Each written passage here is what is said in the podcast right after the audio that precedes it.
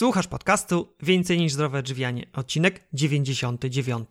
W tym podcaście usłyszysz o tym, jak i dlaczego jelita komunikują się z mózgiem oraz jaki ma to wpływ na nasze samopoczucie i zdrowie. Ja się nazywam Michał Jaworski i w moich audycjach przedstawiam praktyczne wskazówki, jak poprzez zmiany diety i stylu życia zadbać o zdrowie i czerpać z niego radość. Jeżeli naprawdę zależy Ci na tym, czym karmisz swoje ciało i umysł, to te podcasty są właśnie dla Ciebie.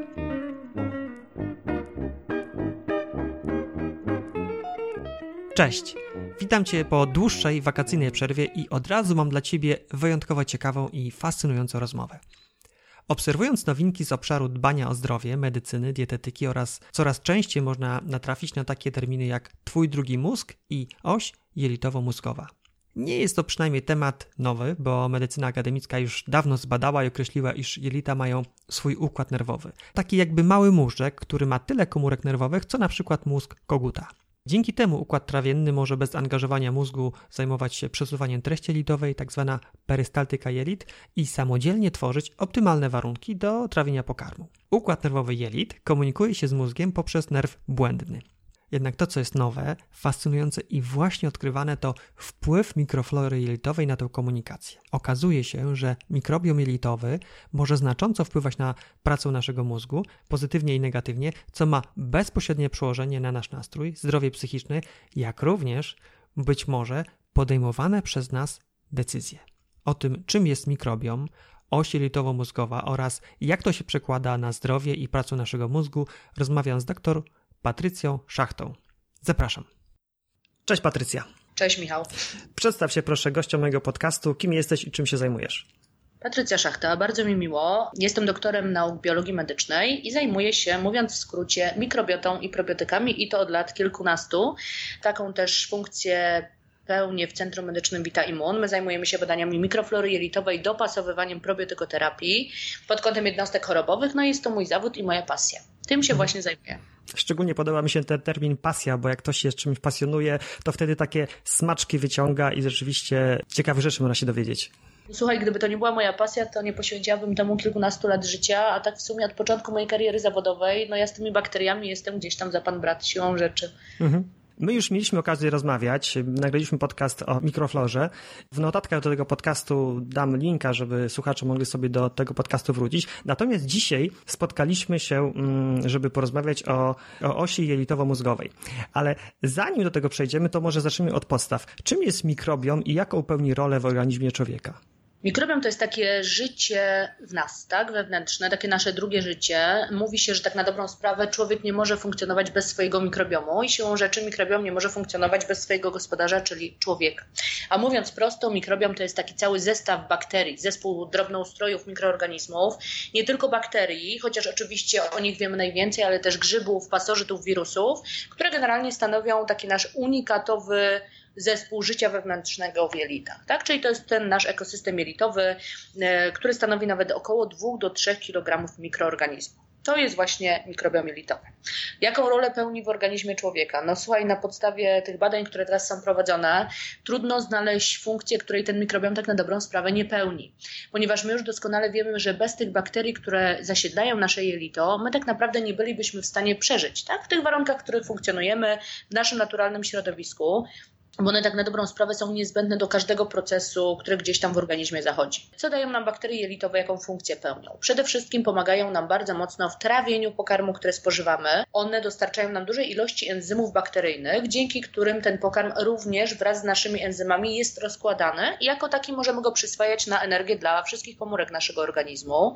Część bakterii jelitowych generalnie wręcz, e, że tak powiem, e, rozkłada pokarmy, których my sami nie bylibyśmy w stanie rozłożyć, tak? Czyli czyli daje takie paliwo energetyczne dla komórek nabłonka naszego jelita, czyli utrzymuje ten przewód pokarmowy w dobrej kondycji.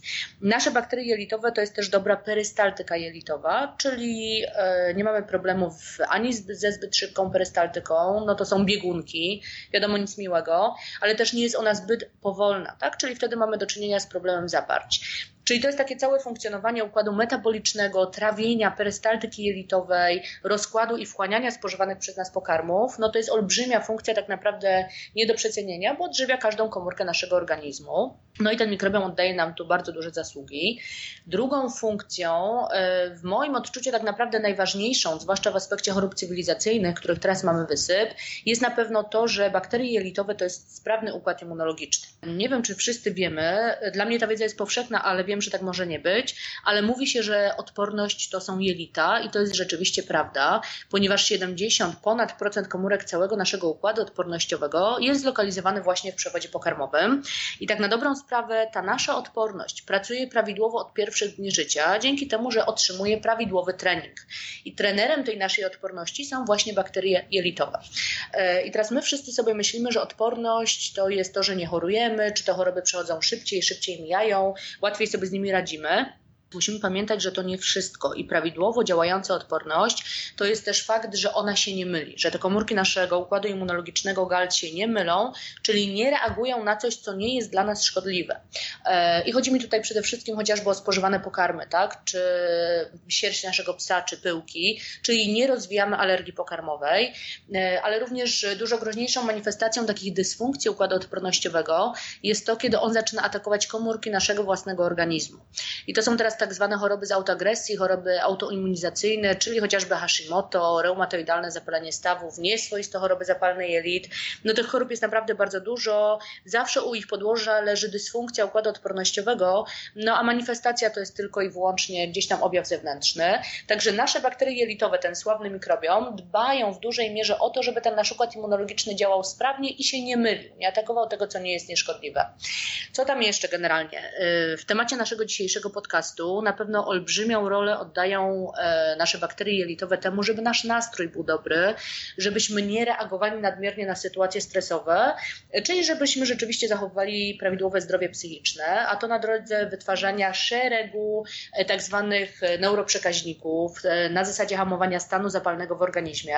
To sobie później omówimy dokładniej, także myślę, że tu na razie, że tak powiem, tytułem wstępu tyle. Mhm. Rozumiemy. Natomiast y, wytwarzanie witamin, tak? wytwarzanie szeregu związków biologicznie aktywnych, chociażby witaminy z grupy P, witaminy z grupy K, wytwarzanie y, hormonów, tak? substancji biologicznie czynnych, tak naprawdę gdybyśmy się na tym skupili, to nie ma układu komórki narządu w naszym organizmie, który w większym bądź mniejszym stopniu nie podlegałby wpływowi bakterii jelitowych. Czyli to jest taki nasz wewnętrzny generator zdrowia, można powiedzieć, więc no, funkcje są olbrzymie. Tak, rzeczywiście z tej, tej listy, którą wymieniłaś, wcale się nie dziwię, że zaczęłaś od tego, że tak naprawdę wszystko jest zależne od tych bakterii, które są w nas, bo i mówimy tu o trawieniu, mówimy o odporności, mówimy o dobrym nastroju, to naprawdę spektrum tych...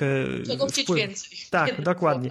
Super byłoby, gdybyśmy mieli idealną dla nas florę bakteryjną, e, odpowiedni skład tych mikroorganizmów. Czy istnieje taki idealny skład flory dla danego człowieka, czy też może każdy z nas ma trochę inną florę i od czego to zależy? Może zacznijmy od tego, że my o florze jelitowej tak naprawdę nie wiemy nic. Im więcej ktoś z tą florą jelitową pracuje, im więcej badań czyta, im większe ma empiryczne, empiryczne doświadczenia z pacjentami, tym bardziej się uczy, że nic nie wie. Ja coraz częściej dochodzę do tego, że w aspekcie bakteryjnym wiem naprawdę mało. E, a to dlaczego? Ponieważ my, jeżeli chodzi o umiejętność identyfikacji bakterii, o identyfikację i poznanie tych wszystkich bardzo złożonych zależności, tak jak one na nas wpływają, jak się kształtują, wiemy, no niektórzy mówią, że 3%, niektórzy optymistycznie mówią, że 30%. E, I tak na dobrą sprawę my jesteśmy daleko od poznania e, unikatowego genomu, tak? tego idealnego genomu. Oczywiście wiesz, są takie badania, które zmierzają do do poznania e, całościowej kompozycji mikrobiomu. Natomiast musimy pamiętać o tym, że mikrobiom każdego z nas jest unikatowy że mamy część bakterii wspólnych, to jest taki trzon mikrobioty, gatunki, które się zawsze powtarzają, e, natomiast ich stosunki ilościowe, czyli to, czy jedna osoba ma więcej takich bakterii, a inna jeszcze innych bakterii, to jest bardzo unikatowa, indywidualna sprawa, tak? Czyli możemy zbadać pewną część mikrobiomu i zobaczyć, jak plus minus kształtują się stosunki bakteryjne w jelicie, czy one są zachowane, czy nie są zaburzone, ale jeżeli chodzi o te delikatne niuanse, to jednak pod kątem mikrobiologicznym się bardzo mocno między sobą różnimy. Okej, okay, czyli każdy z nas ma unikatowy mikrobiom. Od czego zależy? Jak to się dzieje, że tak bardzo różnimy się pod tym kątem mikrobiologicznym? Znaczy, wiesz, no, część mikrobiomu mamy wspólną. Tak, siłą rzeczy jesteśmy jednym gatunkiem, mamy podobne grupy bakterii, możemy badać ich wzajemne stosunki między sobą. Natomiast mówi się coraz częściej, że kiedyś na podstawie analizy kału, takiej do, dogłębnej, dokładnej, tak, kiedy te metody analityczne się będą rozwijać, być może będziemy mogli na podstawie naszej mikrobioty utworzyć taki mikrobiologiczny, wiesz, odcisk palca, tak? Jak teraz się e, podaje w niektórych krajach na lotnisku, to może kiedyś będziemy nas identyfikować pod kątem mikrobioty. A od czego to zależy, słuchaj? Od wszystkiego. Od tego, jak się rodzimy, tak? Czy to było cesarskie cięcie, czy poród drogami naturalnymi, jaki był sposób karmienia początkowego, ale też to, jak później wyglądała dieta dziecka. Wiesz, to nie jest tak, że nawet jeżeli jesteśmy karmieni piersią, co jest idealnym sposobem stymulacji dobrej mikroflory, a później nagle taki maluch dostanie chipsy, paluszki, yy, jakieś tam cukierki i tak dalej, i tak dalej, no to ta flora będzie dobra, bo dieta ma olbrzymi wpływ na kształt mikroflory przez całe życie.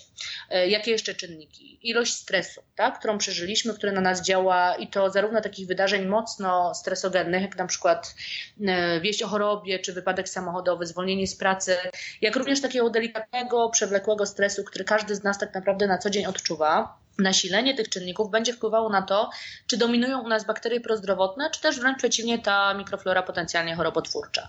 Sport, tak, odpowiedni poziom aktywności fizycznej też bardzo mocno wpływa na mikrobiom. E, stosowane przez całe życie leki i to nie tylko wiesz antybiotyki, bo o tym się mówi powszechnie, że antybiotykoterapia florę zaburza i to na bardzo długi okres czasu, ale też inne leki, które są często nadużywane w społeczeństwie.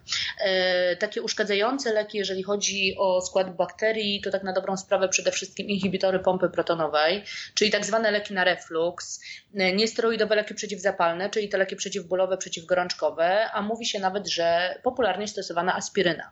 Także tak na dobrą sprawę to, jak wygląda nasz mikrobiom, w pewnej części oczywiście zależy od genów, tak? bo mamy genetyczne predyspozycje do wykształcenia receptorów dla tych albo dla innych bakterii, czyli pewne grupy bakterii będą łatwiej nas kolonizować bądź gorzej. Natomiast tak na dobrą sprawę większość naszego mikrobiomu jest w naszych rękach, czyli powiedzmy sobie, że te czynniki związane ze środowiskiem, jak żyjemy, jakie choroby przebyliśmy, czy stosujemy używki, czy mamy zdrową dietę, czy stresujemy się, czy uprawiamy sport, tak? I na jakim poziomie to wszystko będzie wpływało na to, jak ten nasz brzuch pod kątem mikrobiologicznym będzie wyglądał. Mhm. Dobrze. W kilku publikacjach spotkałem się, że taki decydujący wpływ na skład naszej mikroflory to jest kilka pierwszych lat człowieka, że wtedy ta mikroflora się kształtuje i mm, tak jakby decyduje, jak w przyszłości będziemy wyglądali. I właśnie jakie jest Twoje zdanie na ten temat?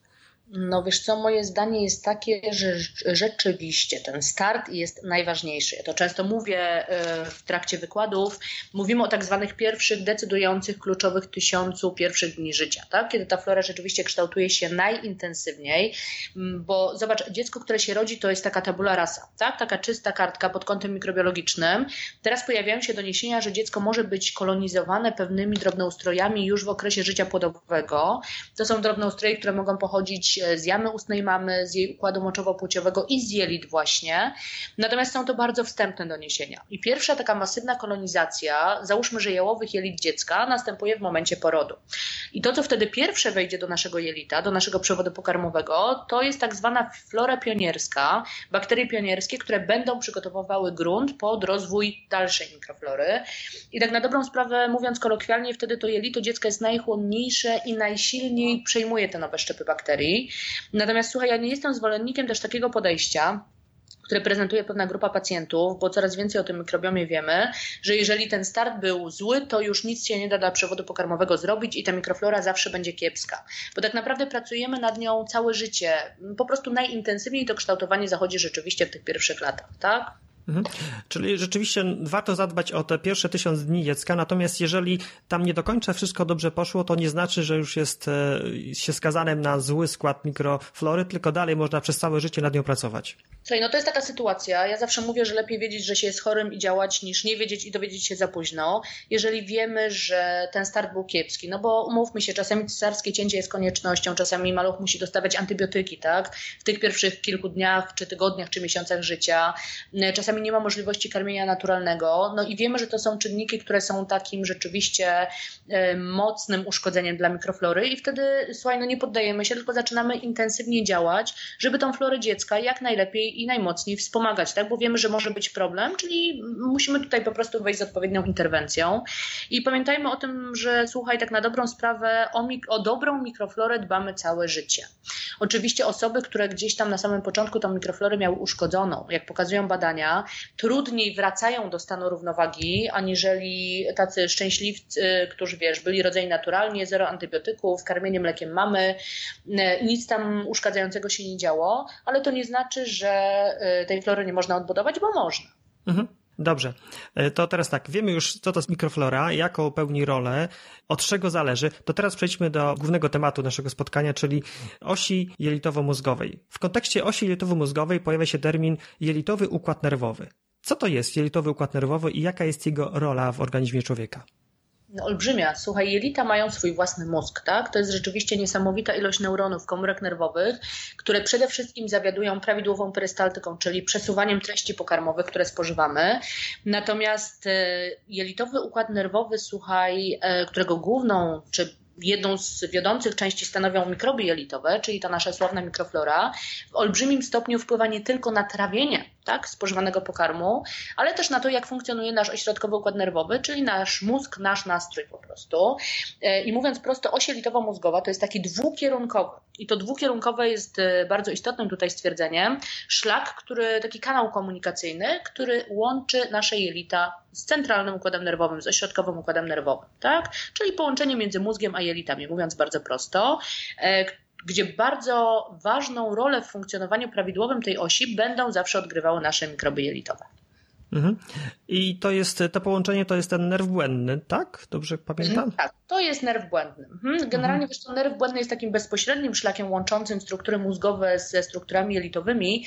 Natomiast y, mówiąc w szerszym kontekście, uwzględniając między innymi właśnie mikroflorę jelitową, y, czy komórki nerwowe y, przewodu pokarmowego, mówimy o tak zwanej osi jelitowo-mózgowej, której głównym elementem jest hmm. ten nerw błędny.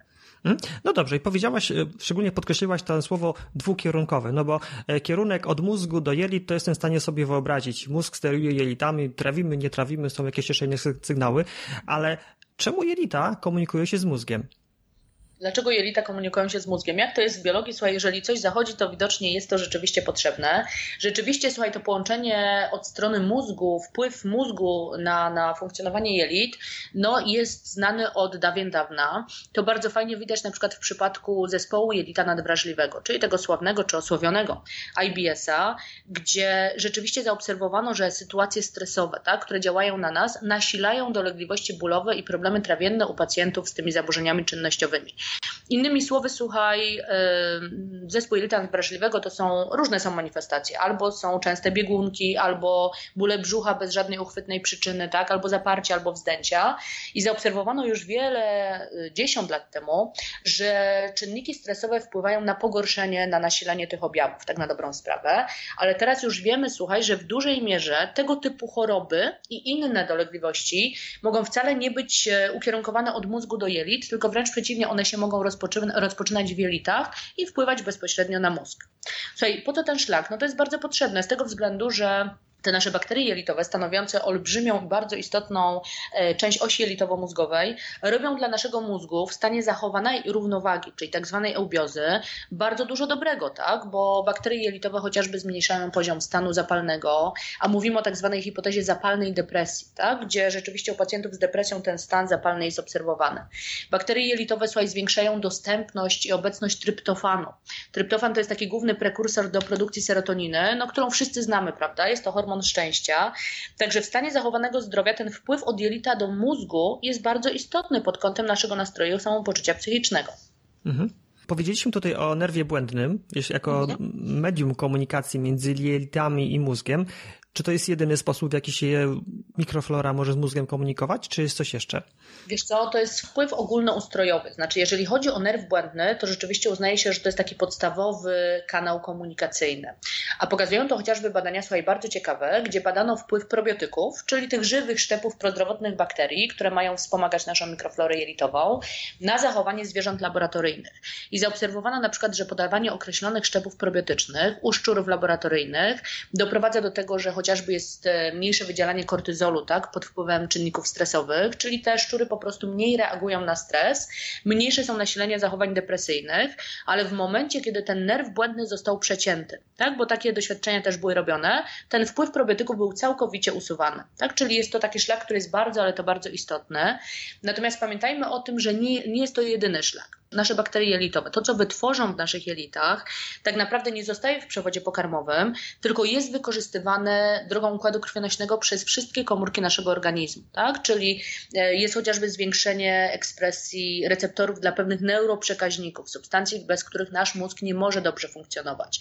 Chociażby bakterie jelitowe w stanie zdrowia wytwarzają tak zwane cytokiny przeciwzapalne, czyli hamują nasilenie stanu zapalnego. Kolejnym bardzo ważnym elementem, który tu musimy poruszyć w kontekście osi jelitowo-mózgowej, depresji, innych e, dysfunkcji psychicznych, jest tak zwana bariera jelitowa. Bariera jelitowa to jest taka y, i bariera, i filtr zlokalizowana w przewodzie pokarmowym, która mówiąc prosto oddziela ziarno od plew. Bo teraz zwróćmy uwagę na to, że nie wszystko to, co my jemy, spożywamy, przyjmujemy, pijemy, jest dla nas dobre. I musi istnieć jakaś bariera, która gdzieś zatrzyma, powiedzmy sobie, tak, te konserwanty, barwniki, dodatki do żywności, e, żeby po prostu była kontrola między tym, co spożywamy, a co przenika do układu krwionośnego. I jeżeli dojdzie do zwiększenia przesiętliwości tej bariery jelitowej, na to się kolokwialnie mówi nieszczelne jelito, ale to no, nie do końca jest dobry termin. To jest po prostu zaburzenie przesiąkliwości jelitowej. To do naszego układu krwionośnego zaczynają przenikać e, substancje potencjalnie nas obciążające, czyli chociażby lipopolisacharydy bakteryjne, takie e, elementy e, bakterii, które mogą pobudzać nasz układ odpornościowy, toksyny, inne substancje, które są obciążające i to generuje ogólnoustrojowy stan zapalny, który jak wykazały badania też przyczynia się pośrednio do rozwoju depresji i innych zaburzeń zaburzeń psychiatrycznych. Także ten wpływ jest, słuchaj, nie tylko nerwem błędnym, chociaż oczywiście tu jest najsilniejszy, ale również ogólnoustrojowo w dużej mierze. Czyli z tej ostatniej części, ta bakteria, bariera jelitowa, to rozumiem, że pewne substancje produkowane przez bakterie mogą przenikać przez tą barierę jelitową i poprzez krew y, jakoś y, wpływać na inne części organizmu. Dobrze rozumiem? Wiesz co, to jest tak, że generalnie jeżeli mamy nie do końca y, dobrze funkcjonującą barierę jelitową, to ona po prostu traci tą swoją selektywną zdolność do y, wybiórczej przepuszczalności i tak naprawdę, mówmy kolokwialnie i prosto, mm, wszystko co znajdzie się w świetle naszego przewodu pokarmowego przenika do układu krwionośnego. I teraz musimy wziąć pod uwagę to, że nasza krew to jest płyn jałowy, czyli nic tam się de facto nie powinno znajdować, zwłaszcza mikrobiologicznego. I jeżeli coś takiego się znajdzie, no to siłą rzeczy nasz układ odpornościowy zbiera wszystkie siły, żeby to wyeliminować i pojawia się po prostu stan zapalny, tak? Czyli jest to obciążenie dla całego organizmu, które również uderza w dużej mierze w ośrodkowy układ nerwowy. Mhm. I to, że ta bariera robi się nieszczelna, jest spowodowana pewną dysfunkcją y, mikroflory, dobrze rozumiem? Tak, w dużej mierze. Wiesz, y, na szczelność naszej bariery jelitowej y, wpływają w dużej mierze te same czynniki, co na zaburzenie mikrobiomu jelitowego, czyli na przykład stosowane leki, przebyte zakażenia bakteryjne, wirusowe, stres, przebyte choroby, używki, taki ogólnie, powiedzmy sobie to prosto, mało higieniczny y, styl naszego życia. A ponieważ mikrobiota jelitowa jest takim jednym z głównych elementów osłonowych, czy wchodzących w skład tej bariery jelitowej, siłą rzeczy jej uszkodzenie będzie w dużej mierze się przyczyniało do tego, że to jelito przestaje być po prostu szczelne. Mhm. Tak, jesteśmy teraz przy komunikacji od jelit do mózgu, to ja troszkę pospekuluję, a ty najwyżej mnie tutaj wyprostujesz. Bo spotkałem się właśnie z takimi badaniami, zresztą to, to jest taki dosyć znany schemat działania, że zakażenie pewnym wirusem powoduje, że organizmy, duże organizmy inaczej się zachowują. Jako taki przykład to jest na przykład wirus toksoplazmozy. Gdy szczury są nim zainfekowane, to tracą swój naturalny lęk przed kotami, no i kot może je zjeść i się zarazić tym, tym, tym wirusem. Albo inny przykład przykład taki, kiedy zwierzę jest wściekłe, to się robi agresywne. Wściekłe, czyli też jest zainfekowane wirusem, robi się agresywne i tym samym zwiększa prawdopodobieństwo, że. Przekazania. Tak, przekaże to dalej. No i bo, można tutaj wysnuć taką teorię, że te wirusy w jakiś bezpośredni sposób wpływają na, na pracę mózgu. No tak, i to jest rzeczywiście, wiesz, ja wirusologiem tutaj nie jestem, w związku z powyższym że tak powiem, aż tak bardzo tematu nie pociągnę, natomiast rzeczywiście tutaj te doniesienia o wpływie określonych wirusów na zachowanie zwierząt są dosyć dobrze poznane. I teraz mamy, rozumiem, spekulować dalej, czy bakterie zachowują się w ten sam sposób. Tak, czy mogą wytwarzać jakieś substancje, które powodują, że nasz mózg działa tak, aby zwiększyć szanse, żeby te bakterie y, były przekazane dalej. Mhm. Wiesz to uważa się, że rzeczywiście ten wpływ wirusów pewnego typu tak, jest bardziej dominujący i silniejszy aniżeli w przypadku bakterii. Natomiast rzeczywiście pojawiają się coraz częściej doniesienia, że nasze bakterie siłą rzeczy również umieją wywierać na nas taki wpływ, żebyśmy im zapewnili jak najlepsze warunki do przetrwania. Co siłą rzeczy no, e, żyje sobie w nas e, tak na dobrą sprawę 3 kg bakterii. No to są, to są miliony E, miliardy tak na dobrą, sprawę, na dobrą sprawę żywych drobnoustrojów. W związku z powyższym w ich najlepiej pojętym interesie jest robić tak, żebyśmy generalnie e, zapewnili im jak najlepsze warunki do przetrwania. I rzeczywiście uważa się, że wiesz, to może iść to w kierunku takim, że wytwarzają one różnego rodzaju związki, czy na drodze rozmaitych, bardzo szerokich wpływów. Będą chociażby e, to jest bardzo, bardzo odważne założenie, ale rzeczywiście gdzieś tam takie założenia się pojawiają w literaturze. Sterowało chociażby naszym apetytem, czyli e, chęcią na przyjmowanie określonej, że tak powiem, diety, tak? określonych rodzajów pokarmu. Mhm. I rzeczywiście w dużej mierze gdzieś tam te nasze bakterie mogą tym naszym zachowaniem sterować, żeby było im jak najlepiej.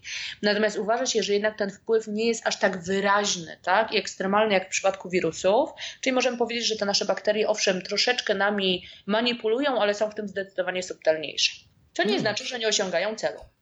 Tak, no to naprawdę już taki się bardzo ciekawy obraz e, tworzy tej osi jelitowo-mózgowej. Taki obraz, którym widać, że jeli, mm, żywiątka, które tam żyją, mają naprawdę duży wpływ na nas, łącznie z tym, że mogą w jakiś sposób sterować zachowaniem. To jest w ogóle niesamowicie fascynujący temat, który moim zdaniem dopiero gdzieś tam zaczyna być e, tak intensywnie badany, ale jak najbardziej, słuchaj, są badania i to bardzo dobrze przeprowadzone badania, które wykazują, że bardzo często u pacjentów z problemami ze strony środkowego układu nerwowego pojawia się mocne, określone zaburzenie mikroflory jelitowej. Czyli mówiąc prosto, pacjenci, którzy mają na przykład depresję, e, chorobę afektywną dwubiegunową, zaburzenia e, lękowe, tak, jak również inne choroby tutaj neurodegradacyjne, też ośrodkowe środkowy układ nerwowy, na przykład choroba Parkinsona czy Alzheimera, czy zaburzenia ze spektrum autyzmu. To są wszystko grupy pacjentów, u których ta flora jelitowa jest silnie zaburzona i obserwuje się dominację pewnych określonych bakterii, tak?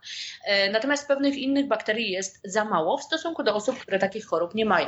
Czyli widać, że tutaj to połączenie, wiesz, pomiędzy układem mikroflory, naszymi bakteriami a rozwojem pewnych chorób jest niesamowicie silne.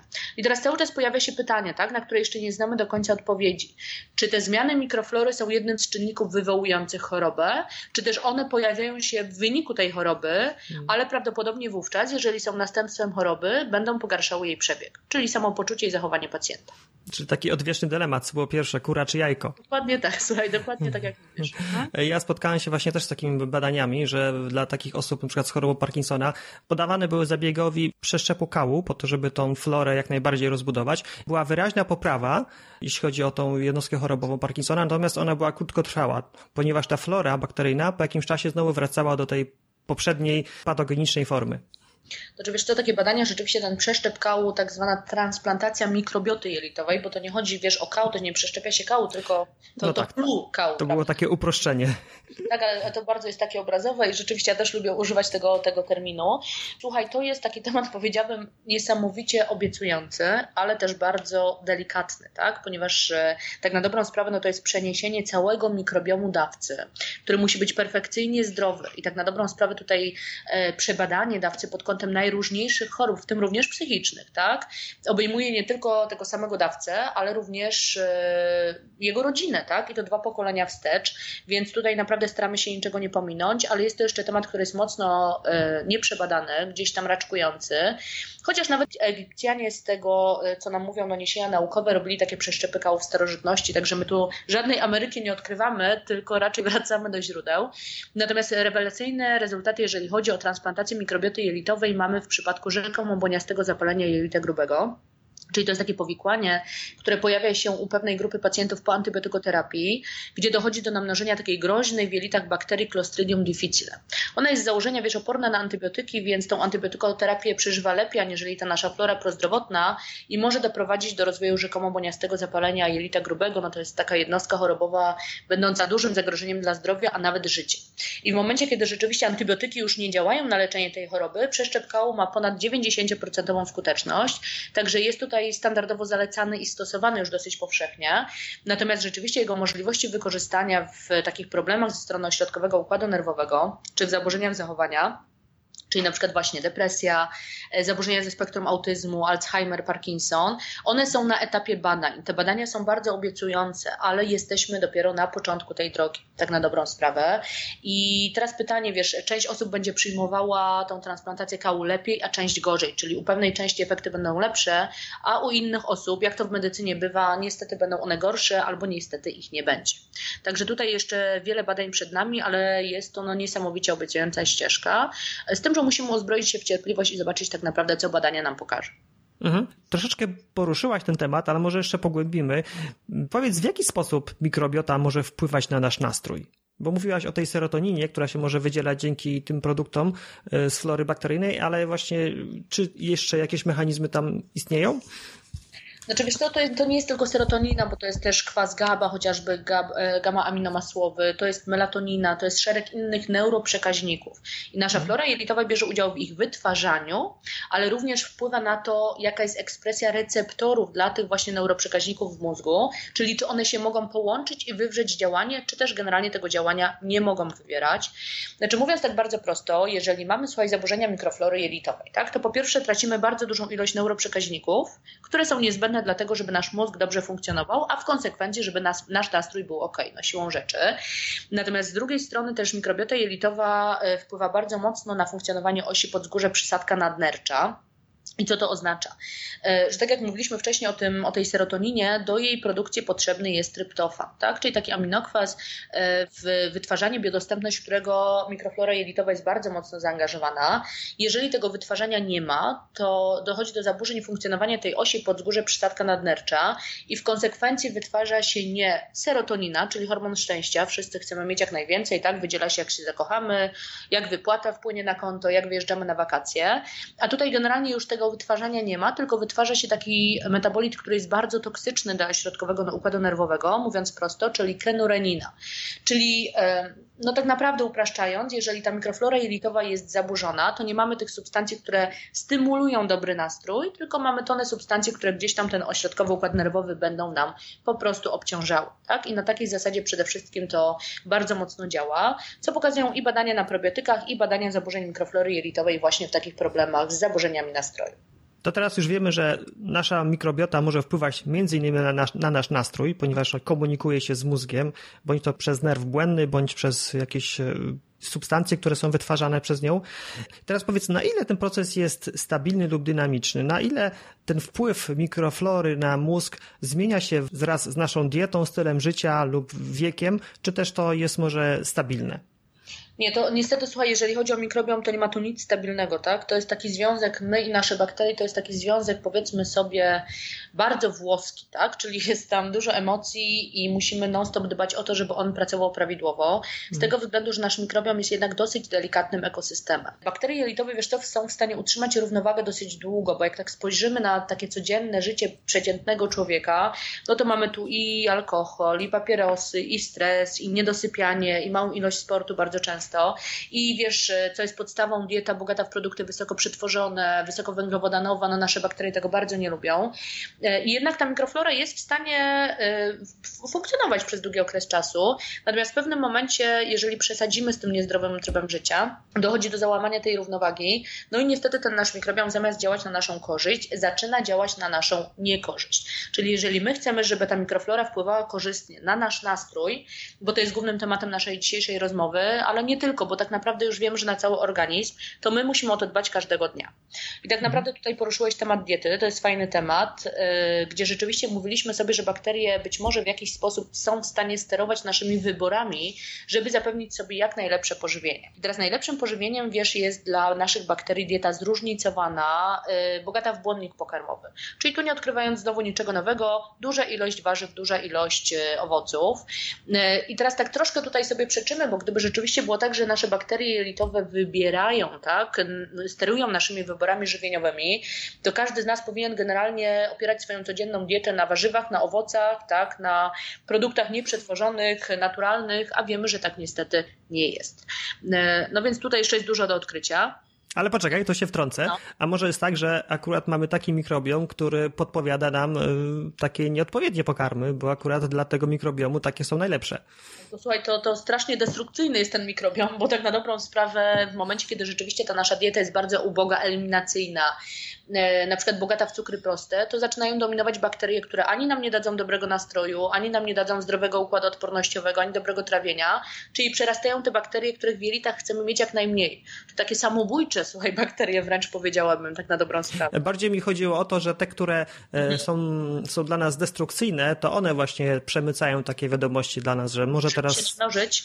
Tak, no żeby się mnożyć. Rzeczywiście jest tak, że e, generalnie w stanie zdrowia to my powinniśmy mieć jak najwięcej tych bakterii prozdrowotnych, tak na dobrą sprawę ale jeżeli dochodzi, dochodzi do zakłócenia tej równowagi, no to zaczynają dominować te patogeny, bo w jelitach każdego z nas y, jest pewna część bakterii potencjalnie chorobotwórczych, żeby też nie było za nudno, tak? Bo jakby były same dobre, no to ten nasz nawet układ odpornościowy zacząłby się nudzić i nie byłby gotowy do obrony. Mhm. Więc może rzeczywiście masz rację, że jeżeli dojdzie do zaburzenia stanu równowagi tej mikroflory, y, że tak powiem, w grę wchodzą te złe bakterie i to one zaczynają sterować naszymi nałogami, y, jeżeli chodzi o żywność i może one są powodem tego, że słuchaj, w pewnym momencie życia zaczynamy odżywiać się chipsami i piwem. To jest ciekawa teza i ona jest godna rozwinięcia w badaniach, tak mi się wydaje. Mhm. Dobrze. Pierwsza, pierwszy element, żeby mieć zdrową florę jelitową, żeby dobrze wpływała na nasz nastrój, to jest dieta. Czyli dieta jest z, tak, dieta... Zróżnico, zróżnicowana, z dużą ilością błonnika. Mało przetworzona, e, czyli taka dieta no niezachodnia, e, a niestety taką większość z nas spożywa, tak na co dzień. Mhm. I to jest punkt pierwszy. Punkt drugi, jeśli chodzi o dobry mikrobiom. Nie możemy tak wartościować, co jest numer jeden, co jest numer dwa, ale no tak. te podstawy. Słuchaj, stres, bo tak sobie mówimy o tym, że mikroflora jelitowa wpływa na dobry nastrój, albo wręcz przeciwnie, jeżeli jest zaburzona. Natomiast my musimy pamiętać, że to jest zależność wzajemna. I tak na dobrą sprawę stres, te czynniki stresowe bardzo mocno tą florę jelitową niszczą, tak? Więc y, no tutaj takie koło robi się trochę mechanizm błędnego koła, na dobrą sprawę. Więc starajmy się, ja wiem, że to jest taka trochę rada no, że tak powiem w teorii, tak, może ona brzmi dobrze, ale starajmy się zadbać o to, żeby to nasze życie było spokojne, harmonijne, im mniej stresu, tym lepsza mikroflora jelitowa. To mm. absolutnie a, podstawa. Mm. A gdybyśmy tak z mikroskopem zanurkowali do naszego organizmu, to co się fizycznie takiego dzieje, że stres wpływa negatywnie na florę bakteryjną? Słuchaj, no tych generalnie elementów e, jest bardzo dużo, tak, bo to jest bardzo złożony ekosystem, natomiast generalnie podwyższają się chociażby wykładniki, wykładniki stanu zapalnego, tak, cytokiny prozapalne. I to wszystko niestety doprowadza do tego, że zaczyna przerastać u nas, wiesz, wyrzuty kortyzolu, e, całe zmiany generalnie, jeżeli chodzi o układ hormonalny, o układ stanu zapalnego, e, o zmianę wykorzystania glukozy, to wszystko wpływa na to, że niestety zaczynają w naszym jelicie dominować bakterie, które są na ten stres bardziej odporne, odporne, czyli te, które są dla nas po prostu niekorzystne. Mhm, czyli zmienia się środowisko naszego organizmu, w tym środowisku te niekorzystne bakterie sobie lepiej radzą. Dokładnie tak. No niestety te nasze dobre bakterie raczej wolą spokój. Mhm. Dobrze. Dieta, stres, co dalej? Dieta, stres, e, ilość słuchaj, przybytych chorób tak, w naszym życiu. No, są choroby, które dosyć silnie uszkadzają mikrobiom jelitowy, ale tego nie przeskoczymy. Natomiast wiemy, że jeżeli dochodzi do rozwoju chorób bakteryjnych, wirusowych, nowotworowych, e, chorób z autoimmunizacji, no to to też są te momenty, żeby tą florę szczególnie zadbać, e, również w aspekcie tak perspektywicznie, tak, całościowego stanu naszego zdrowia. Sport, słuchaj. Sport, absolutnie tutaj sport jest bardzo ważny, jeżeli chodzi o zdrowie psychiczne, to jest podstawa, ale również sport sport jest bardzo potrzebny, jeżeli chodzi o zdrową mikroflorę jelitową. Natomiast tutaj trzeba się skupić na tym umiarze, ponieważ sport wyczynowy już wręcz przeciwnie. Czyli jeżeli nie mamy tej aktywności fizycznej, to nasze jelita nie najlepiej wyglądają. A, a powiedz, a dlaczego przy braku aktywności nasze bakterie źle sobie radzą? Słuchaj, przy braku aktywności cały nasz organizm tak na dobrą sprawę źle sobie radzi, tak? Z tego mhm. względu, że chociażby y, uprawianie aktywności fizycznej też zwiększa ilość wytwarzanej serotoniny, tak? Czyli też hamuje stany zapalne, też pobudza krążenie i to wszystko jest potrzebne do tego, żeby w całym organizmie panowała homeostaza, co przełoży się również bezpośrednio na jelita, czyli środowisko życia naszych bakterii. Natomiast nadmiar sportu doprowadza niestety do tego, że nasz przewód pokarmowy, nadmiar sportu, czyli sport wyczynowy, tak? Ale też wielu z nas teraz uprawia sport na takim poziomie amatorsko, że możemy to potraktować niemalże jak sport wyczynowy. E, I w tym momencie rzeczywiście, jeżeli ta ilość jednostek treningowych i ich nasilenie jest zbyt wysoka, e, dochodzi do przejściowej endotoksemii w przewodzie pokarmowym. Czyli nie są chociażby odbierane toksyny, ten przewód pokarmowy nie jest ukrwiony odpowiednio, e, bo ta cała krew idzie na zaopatrzenie mięśni szkieletowych, czyli ręce, nogi, to co pracuje przy wysiłku. I niestety, słuchaj, może nie od razu, ale po kilku latach czy kilkunastu latach takiego wyczynowego uprawiania sportu, mikrobiom jelitowy wygląda dramatycznie tak, u takiej mhm. osoby, chyba że pamiętamy o tym, żeby stosować osłonowo probiotyki. Zresztą są już takie specjalne preparaty dla sportowców, więc widzimy, że temat jest naprawdę na tapecie, tak, mhm. jeżeli chodzi o badania. A słuchaj, Patrycja, czy możemy się pokusić o jakieś uogólnienie, od ilu jednostek treningowych tygodniowo należy być ostrożnym, jeśli chodzi o wpływ na florę jelitową? Wiesz co, y, możemy, ale tak będziemy bardzo empirycznie tutaj działać. Znaczy, ja mhm. generalnie na podstawie praktyki z pacjentami tak, i obserwacji uważam, że tak powiedzmy sobie od 3 do 5 jednostek treningowych w tygodniu jest ok. Natomiast ja mam takich pacjentów, którzy wiesz, mają kilkanaście jednostek treningowych na bardzo wysokim poziomie y, wysiłku i to już jest naprawdę nie ok. Dajmy sobie czas na trening, dajmy sobie czas na regenerację. Te 2-3 dni regeneracji w tygodniu są jednak bardzo ważne. No i to jest takie mhm. racjonalne. Myślę, że dla naszej mikroflory również jak najbardziej. Mhm. Czy coś jeszcze, jeśli chodzi o dobre warunki rozwoju dla naszej mikroflory jelitowej? No słuchaj, no jak najmniejsza ilość stosowanych leków. I nie chodzi mi tutaj o to, że musimy łyknąć antybiotyk, mamy infekcję bakteryjną, to jest logiczne. Ale jeżeli nas coś boli, tak, a my będziemy zamiast zdiagnozować przyczynę tego bólu yy, przez ileś tam miesięcy czy tygodni łykali leki przeciwbólowe, no to dramatycznie, tak, jeżeli chodzi o mikrobiom jelitowy. Yy, także nie nadużywamy leków, yy, jeżeli możemy zdiagnozować przyczynę, róbmy to. Tak samo te leki, te inhibitory pompy protonowej, czyli leki na reflux, o których już mówiłam tutaj wcześniej, też dobrze wpływać nie będą. Tutaj wszelkiego rodzaju rodzaju stymulatory w sporcie stosowane. Już nie rozwinę tematu, myślę, że wiem o co chodzi. E, wszelkiego rodzaju używki, narkotyki, alkohol, papierosy. No, nie oszukujmy się, no, osoba, która nadużywa, nie będzie miała dobrej flory jelitowej. E, I z takich ciekawostek, słuchaj, e, to gdzie mieszkamy, w jakich warunkach mieszkamy, mianowicie im większa ilość drobnoustrojów jak w naszym środowisku, tym lepsze jest odtwarzanie tego mikrobiomu z zewnątrz. Czyli osoby, które mieszkają de facto na wsi, mają kontakt ze zwierzętami, słuchaj, mają psa, kota, nawet jakieś zwierzęta gospodarskie w założeniu będą miały zdecydowanie lepszą mikroflorę, aniżeli takie mieszczuchy. Już mieszkające na zamkniętych osiedlach 2 plus 1. E, także tutaj to musimy również uwzględnić, to środowisko naszego życia. O, i taka rada praktyczna, e, ilość przyjaciół. To znaczy badania wykazały, że im więcej mamy przyjaciół, tym lepszą mamy florę jelitową. W związku z powyższym to też jest coś, o co warto by było zadbać. No, a ten ostatni punkt szczególnie mi się podoba, to może być takie dodatnie sprzężenie zwrotne. Im więcej mamy przyjaciół, tym więcej serotoniny się wydziela, tym jesteśmy bardziej szczęśliwi, tym szukamy jeszcze więcej przyjaciół. Otóż to, tym nasze bakterie, że tak powiem, bardziej nas stymulują do tego poszukiwania, jak najbardziej. Mm. Słuchaj, mamy, mamy korelację. Mhm. Ja tak już tylko podsumuję te punkty. Działania, które powodują, że nasz mikrobiom e, ma się dobrze. To jest tak, przede wszystkim dieta. Druga rzecz, jak najmniej stresu. Trzecia, e, no przybyte choroby. Na to no, za bardzo nie mamy wpływu, no ale jak rozumiem, im mniej przybyliśmy, tym lepiej. Albo po prostu, wiesz, jak przebywamy choroby, to pamiętajmy, żeby ten mikrobiom też osłabiać, e, o, o, osłabiać, Boże, wspomagać w tym czasie. Tak, tak. Czyli żeby działać profilaktycznie. Mhm. Mhm.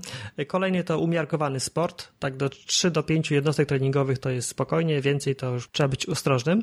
Jak, naj, jak najmniej leków, co dalej? E, unikamy narkotyków, znaczy unikamy, nie przesadzamy. Nie, nie no słuchaj, narkotyków unikajmy. Tak. Alkohol ograniczmy, e, no i tak będzie mądrze. No i dwa ciekawe punkty jeszcze, warunki, gdzie mieszkamy, czyli im e, mniej higienicznie, tym lepiej, no i ilość przyjaciół, ilość ludzi, z którymi się spotykamy, bo jak rozumiem, te kontakty, nawet takie najbardziej przyjacielskie powodują, że ten nasz mikrobiom się w jakiś sposób wymienia, tak? Słuchaj, przede wszystkim, tak jak mówiliśmy, stres działa niekorzystnie na nasz mikrobiom. To jest punkt pierwszy, czyli jeżeli mamy wokół siebie przyjaciół, no to siłą rzeczy tego stresu nie ma, bo jesteśmy mhm. w otoczeniu naszym przyjaznym. To jest raz. Tak. Mhm. Natomiast dwa, my przede wszystkim między sobą, słuchaj, w kontaktach międzyludzkich też wymieniamy mikroflorę. Czyli ty i twoi przyjaciele, y, idąc razem, no powiedzmy na piwo, tak, już, już y, bez aż takich ograniczeń, do kina czy rozmawiając, czerpiecie od siebie nawzajem swoje bakterie, czyli gdzieś tam generalnie będziecie tą florę, e, florę sobie wymieniać i to też jest jak jak najbardziej dla naszego mikrobiomu korzystne. Bo z jednej strony ona się staje coraz bardziej różnorodna, a z drugiej strony jest stymulowana do obrony.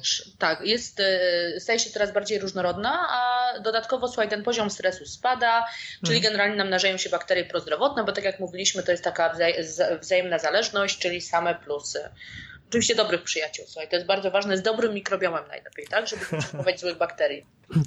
Jeszcze odniosę się z tego pierwszego punktu do tej diety. Chodzi o praktyki y, różnych diet eliminacyjnych, w szczególności są takie diety na przykład y, głodówki zupełne i tak jak mówiłaś, jednym z czynników, żeby ta mikroflora dobrze funkcjonowała, to jest różnorodna dieta, żeby one miały co jeść, błonnik.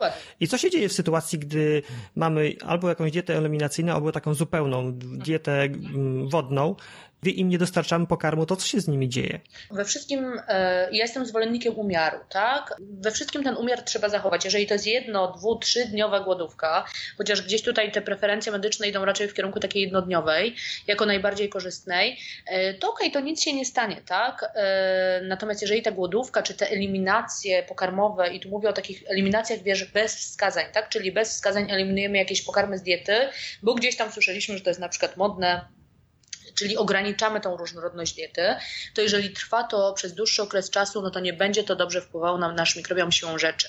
Bo zobacz, my mamy niesamowite życie wewnętrzne w naszych jelitach. Części bakterii nie umiemy jeszcze nawet scharakteryzować, zidentyfikować, e, ale wiemy na pewno, że one się muszą odżywiać różnymi związkami, więc jeżeli my te związki pokarmowe zabieramy, to doprowadzamy do tego, że e, redukcji ulegają najróżniejsze grupy bakterii, a jak wiemy, ten mikrobiom jest całością, tak? Czyli pozbawiamy się pewnych bardzo, bardzo ważnych elementów e, tego naszego życia wewnętrznego, czyli słuchaj, głodówki długofalowe, diety eliminacyjne długofalowe, absolutnie dla naszego mikrobiomu na nie. Tutaj mhm. naprawdę, tak jak powiedziałam wcześniej, jednodniowa, dwudniowa, ok, ale dłużej to już naprawdę nie będzie wpływało dobrze na nasz mikrobiom, nasz organizm. Różnorodność, słuchaj, stosunkowo jak najmniejsze przetworzenie diety, wzbogacenie w błonnik pokarmowy, to jest to, co wszystkie dobre bakterie robią najbardziej. Hmm? Mhm. Dobrze, super. W jakim kierunku idą badania nad mikrobiomem? Bo tak jak powiedziałaś, to jest temat, który dopiero tak naprawdę poznajemy, więc podejrzewam, że badań jest bardzo dużo prowadzonych. W jakim kierunku one idą? Czy może będzie tak, że w przyszłości zamiast e, lekarstw będziemy przyjmować e, probiotyki albo nawet metabolity jakichś, e, jakichś, jakichś bakterii? To czy zamiast to niestety uważam, że nie, bo jesteśmy społeczeństwem, które żyje coraz dłużej, ale jesteśmy coraz bardziej schorowanym społeczeństwem, nie ukrywając. E, żywność jest coraz gorszej jakości, trudny jest dostęp do tej żywności ekologicznej. Bardzo lubimy się leczyć objawowo, wiesz, boli nas, to łykniemy i, i koniec i cześć, nie chcemy diagnozować, nie chcemy szukać. Żyjemy w środowisku bardzo zanieczyszczonym i to wszystko wpływa niestety na to, że jako społeczeństwo żyjemy dłużej, ale częściej chorujemy. Więc myślę, że tej farmakoterapii nie da się uniknąć absolutnie. Natomiast e, już w tym momencie się obserwuje, że probiotyki są bardzo istotnym elementem wspomagania terapii e, licznych chorób. I słuchaj, tutaj, e, gdybyśmy tak prześledzili badania na PubMedzie, to jest taki ogólnoświatowy portal medyczny, tak? badań, badań klinicznych, e, to probiotyki tam są w absolutnej czołówce w najróżniejszych jednostkach chorobowych. I to jest, słuchaj, nadwaga, otyłość, o czym mówiliśmy. To jest właśnie nastrój, czyli taka osobna grupa tak zwanych psychobiotyków, tak? czyli probiotyków typowo kierowanych na poprawę nastroju, które zresztą tutaj tak sobie pozwolę wtrącić. Słuchaj, bardzo fajne są wstępne badania i na zwierzętach laboratoryjnych, gdzie wiadomo, te struktury mózgowe są mniejsze, więc wpływ jest bardziej wyraźny, ale na ludziach już też były przeprowadzane, gdzie e, u osób z taką subkliniczną postacią depresji, e, one rzeczywiście bardzo ładnie wpływały na nastrój w stosunku do placebo, zmniejszają nasilenie depresji, mm, zachowań lękowych, także tutaj też mamy pole do podziałania bardzo poważne. Po choroby, słuchaj, alergiczne, choroby autoimmunizacyjne, po choroby nowotworowe, także słuchaj, no wydaje się, że nie ma w tym momencie w medycynie takiego kierunku, gdzie nie nie podejmowałoby się prób zadziałania tak, na przyczynę bądź już na przebieg choroby za pomocą probiotyków.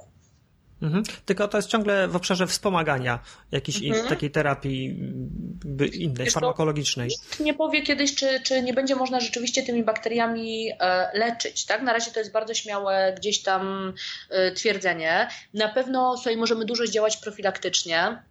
Jeżeli chodzi o takie przyszłe nurty, to na pewno słuchaj przeszczep kału, czyli mikrobioty jelitowej.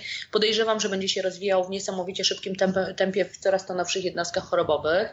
E, są też już tak zwane kapsułki z kałem, czyli kapsułki z mikrobiotą jelitową, które też są wdrażane do badań naukowych, tak? Jaka to taka bardziej powiedzmy akceptowalna metoda, tak? Odbudowy tej mikrobioty jelitowej. No i na pewno podaż metabolitów bakteryjnych, czyli tych związków, które przez nasze bakterie bezpośrednio w jelicie są wytwarzane, też ma olbrzymią przyszłość. Gdzie to dojdzie, słuchaj, to nikt nie powie, ale myślę, że jeszcze te bakterie nas bardzo mocno zadziwią, tak? Jako metodę wspomagania leczenia. Ja tu zawsze ostrożnie, słuchaj, wspomaganie leczenia jest zawsze bezpiecznym terminem, natomiast y, tak praktycznie tobie powiem, że ja rzeczywiście pracuję mocno na probiotykoterapii i efekty takiej suplementacji są częstokroć niesamowite, tak?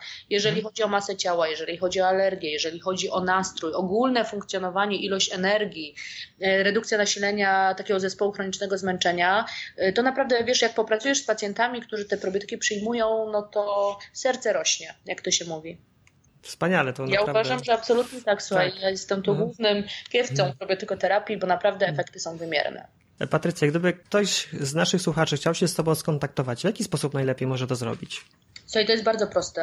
E, wystarczy się ze mną skontaktować za pośrednictwem Centrum Medycznego Vita Immun. E, ja prowadzę swoje bezpłatne konsultacje dla pacjentów, e, którzy mają pytania, którzy chcą porozmawiać o mikrobiomie, probiotykach. Mogę podać numer telefonu, mogę podać godzinę jeżeli możemy tutaj to zrobić. E, tak, jak najbardziej. E, no to jest numer telefonu dla pacjentów 606 950 225 i konsultacje są w każdy poniedziałek, środę i piątek od godziny 10.30 do 12.30. I wtedy sobie możemy dogłębnie porozmawiać na temat tego naszego fascynującego mikrobiomu, jego znaczenia w jednostkach chorobowych. E, także kontakt jak najbardziej jest i jest otwarty, więc zapraszam serdecznie. Wspaniale. Mm, tak na koniec jedno najważniejsze zdanie do zapamiętania, jeśli chodzi o oś jelitowo-mózgową oś jelitowo-mózgową jedno zdanie. Słuchaj, mogłabym powiedzieć tutaj takim hasłem ogólnym, że jelita to drugi mózg.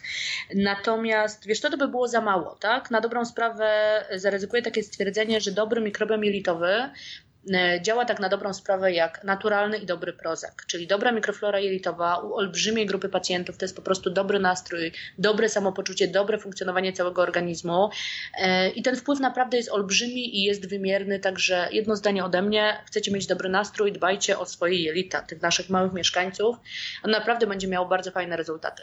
No było tak. więcej niż jedno zdanie, ale tego się nie da w jednym powiedzieć. Tak, tak. Czyli jak ci nasi mieszkańcy będą szczęśliwi, to my też będziemy szczęśliwi. Mm, I dokładnie tak. Słuchaj, ująłeś to moim zdaniem dużo lepiej niż ja, także niech twoje zdanie będzie moim zdaniem na zakończenie. A dziękuję bardzo. Bardzo ci dziękuję za, za rozmowę, bardzo ciekawą, fascynującą i, i, no i do usłyszenia. Do usłyszenia. Pozdrawiam. No i jak? Podobało się? To naprawdę niesamowite, jak te małe, mikroskopijne istoty żyjące w naszym układzie pokarmowym, jak bardzo wpływają na nasze zdrowie i samopoczucie. Dlatego tym bardziej ważne jest właściwe o nich zadbanie, stworzenie takich warunków, aby dobrze się czuły, rozwijały i rozmnażały. Patrycja mówiła o czynnikach wpływających na kondycję mikroflory, która, jak wiecie, kształtuje się już od samych narodzin, jednak jednym z kluczowych czynników jest właściwa, to znaczy bogato-resztkowa, zróżnicowana dieta. Bogato-resztkowa, czyli taka, która zawiera błonnik, tak zwaną skrobię oporną, która jest y, pokarmem dla naszego mikrobiomu. Równocześnie unikamy cukrów prostych, zawartych np. w słodyczach, które to z kolei nasilają rozrost flory patogennej. Dbanie o nasz mikrobiom to jest to proces ciągły. Nie można sobie raz wyhodować zdrowej flory i cieszyć się z nią do końca życia. Niestety tak to nie działa. Trzeba się o to troszczyć każdego dnia. E, tak jak już wspominałem, jednym z wyzwań w dbaniu o florę jelitową jest unikanie lub ograniczenie słodyczy. Nadmiar słodyczy ma negatywny wpływ nie tylko na mikrobiom, na przykład cukry proste są pożywką dla bakterii próchniczych, a słodycze z uwagi na swoją smakowitość i kaloryczność często prowadzą do spożywania nadmiernych ilości kalorii, co przy dodatnim bilansie energetycznym prowadzi do odkładania się tkanki tłuszczowej. Mówiąc prost, prowadzi do tycia. Cukry proste zawarte w słodyczach powodują gwałtowne skoki poziomu glukozy we krwi, co nasila insulinooporność, która z kolei może przerodzić się w cukrzycę typu drugiego. Tak więc jest wiele, naprawdę wiele powodów, aby ograniczyć ilość spożywanych słodyczy. Tylko jak to zrobić? Jeżeli ty również zadajesz sobie takie pytanie, to mam dla ciebie fantastyczną wiadomość. W dniach 13-15 wrzesień 2019 roku organizujemy na naszym blogu wyzwanie. W 3 dni uwolnij się od słodyczy. Udział w wyzwaniu jest absolutnie bezpłatny. Każdy, kto do niego dołączy, otrzyma od nas zaproszenie na wirtualne, robione, przez, robione w formie Facebook Live warsztaty, podczas których po pierwsze, dowiesz się, w jakich produktach znajdują się cukry proste i jak ich unikać. Po drugie, wspólnie przeanalizujemy psychologiczne aspekty sięgania po słodycze i wypracujemy sposoby, jak sobie z nimi radzić. Ale, ale to nie wszystko. Każda osoba, która dołączy do wyzwania, otrzyma również bezpłatnie trzydniowy zbilansowany jadłospis, tzw. Tak cukrowy detoks. E, dzięki temu jadłospisowi przekonasz się, że można jeść zdrowo, smacznie i nie mieć jednocześnie pokusy sięgania po coś słodkiego. Jak dołączyć do wyzwania? Wejdź na linka www.więcej ukośnik słodycze pisane bez polskich litery, bez spacji i się zarejestruj, podając imię i maila, na którego możemy Ci wysłać zaproszenie na wirtualne warsztaty oraz jadłosp. Wyzwanie odbędzie się w terminie 13-15 września 2019 roku. Powtarzam, linka do zapisu www.więcej-niż-zdroweodżywianie.pl ukośnik słodycze, pisane bez polskich liter bez spacji. Jeżeli słuchasz tego nagrania później, to znaczy po wrześniu 2019 roku, to się nie przejmuj. Pod tym samym linkiem możesz nabyć e-booka zawierającego wszystkie przygotowane na te wyzwanie materiały, łącznie z jadłospisem. Wraz z e-bookiem otrzymasz linki do nagrań z wirtualnych warsztatów. Wspólnie z Tatianą zapraszamy Was serdecznie. Na dzisiaj to już wszystko. Bardzo dziękuję za wspólnie spędzony czas i do usłyszenia w kolejnym odcinku podcastu. Cześć!